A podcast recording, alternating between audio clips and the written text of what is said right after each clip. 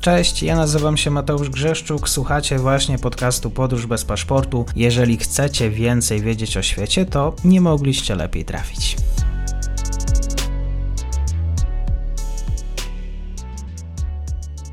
Dzień dobry wszystkim słuchaczom, dobry wieczór również, bo nagrywamy w środę wieczorem. Ze mną jest Maciej Musiał z zespołu Mówiąc Wprost właśnie, który znajduje się teraz na terytorium Armenii. Dzień dobry. Dzień dobry. W wyniku walk na granicy z Azerbejdżanem rośnie liczba ofiar po stronie armeńskiej. Azerbejdżan zajął część terytorium Armenii. Wiemy o tym też, że protesty w stolicy Rywaniu. Jak podsumować właściwie to, co się dzieje od 24 godzin?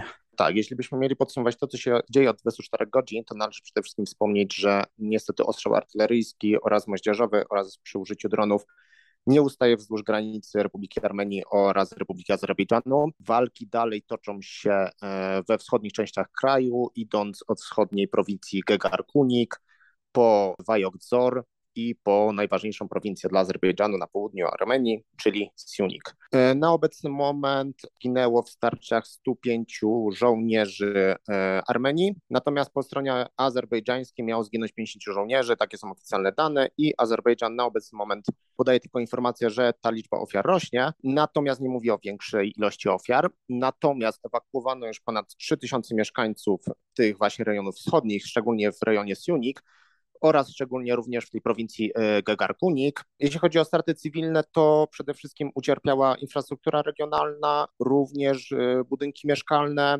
również ucierpiała też infrastruktura wojskowa, ale najbardziej mówi się o tej infrastrukturze e, cywilnej. Natomiast jeśli chodzi o wydarzenia w stolicy, no to niestety mamy teraz do czynienia ze szturmem protestujących pod parlamentem w Armenii ponieważ Nikol Paszynian dzisiaj wygłosił wystąpienie, w którym między innymi powiedział, że jest w stanie zawrzeć pokój z, z Azerbejdżanem oraz powiedział, że nie będzie rościł żadnych pretensji terytorialnych do Azerbejdżanu, tym samym wściekł opinię publiczną w Armenii, ponieważ tym samym również zrzekł się praw do Górskiego Karabachu oraz do jakichkolwiek praw, czy to na zasadzie autonomii, czy też jakichś praw kulturalnych wobec mieszkańców Górskiego Karabachu. Wściekli obywatele Armenii. Pytanie, czy właściwie przewiduje, że może dojść do jakiejkolwiek zmiany władzy? Szczerze powiedziawszy, patrząc na ostatnie badania opinii publicznej w Republice Armenii, to mało który polityk cieszy się takim zaufaniem, jak obecny premier Nikol Paszynian.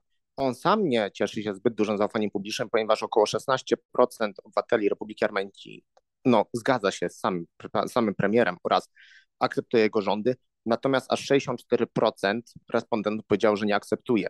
Natomiast potencjalni politycy, którzy mogliby przejąć władzę w Armenii, czyli związani z mm, niegdysiejszym klanem karabaskim, czyli tą kliką e, oligarchów związanych z Łucznym Karabachem, cieszy się jeszcze mniejszym zaufaniem publicznym. W związku z tym mam tutaj do czynienia z problemem, kto miałby w ogóle przyjąć władzę po premierze Nikolu Paszynianie, bo ja na przykład nie widzę tutaj żadnych takich kandydatów, którzy mogli cieszyć się e, tak naprawdę wsparciem społecznym. Pozostaje pytanie, jak właściwie to wydarzenie tłumaczy strona azerska? Jeśli chodzi o same działania zbrojne, to strona azerska mówi, że jest to nie ofensywa ani jakakolwiek agresja ze strony rządu Baku, tylko rząd w Baku mówi, że jest to odpowiedź na prowokacje, do które poczyniły e, tak naprawdę wojska armeńskie. I tutaj pojawia się ta kwestia, czy faktycznie tak było, bo niestety źródła, z którymi mamy do czynienia po stronie armeńskiej oraz po stronie azerbejdżańskiej, nie są do końca obiektywne. Mamy do czynienia na przełomie sierpnia, września oraz początku września ze starciami granicznymi, czyli z wymianą ognia, bez użycia oczywiście artylerii czy też moździerzy.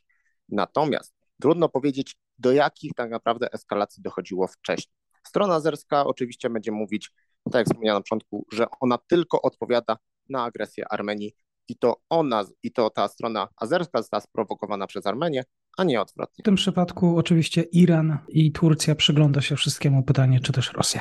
Rosja też się przygląda i jeśli chodzi o wspomniane przez Ciebie kraje, to Turcja oczywiście powiedziała, że stoi w 100% po stronie w przypadku rządu w Baku i będzie wspierać w dalszych dążeniach do odzyskania wszystkich terytoriów, w tym również Górskiego Karabachu.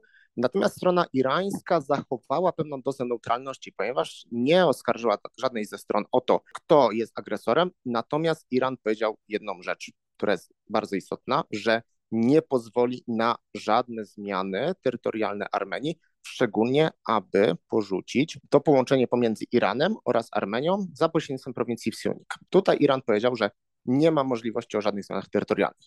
Jeśli Mhm. chodzi o, natomiast o Rosję, to problem jest nawet taki, że Rosja trochę milczy w tym konflikcie. Nawet dzisiaj ostrzelano jednak z posterunków granicznych, gdzie stacjonować mieliby rosyjscy żołnierze, natomiast trudno powiedzieć, czy oni w ogóle tam byli, ale azerskie siły ostrzelały ten rosyjski posterunek graniczny właśnie we prowincji e, Gegarkunik i została zniszczona tamtejsza infrastruktura rosyjska oraz ostrzelane zostały tamtejsze pojazdy. Natomiast strona rosyjska w żaden sposób nie zaprotestowała wobec strony azerbejdżańskiej, jakoby ona dokonała agresji wobec części choćby naszej tej infrastruktury rosyjskiej. Więc tutaj musimy czekać na dalsze posunięcia. Natomiast sama Rosja na pewno będzie mediatorem wobec obu stron i na pewno nie będzie chciała zostać wypchnięta ani przez stronę amerykańską, ani francuską, ani irańską. Komentarz dzisiaj z Armenii. Maciej Musiał, mówiąc wprost, bardzo dziękuję. Dziękuję bardzo.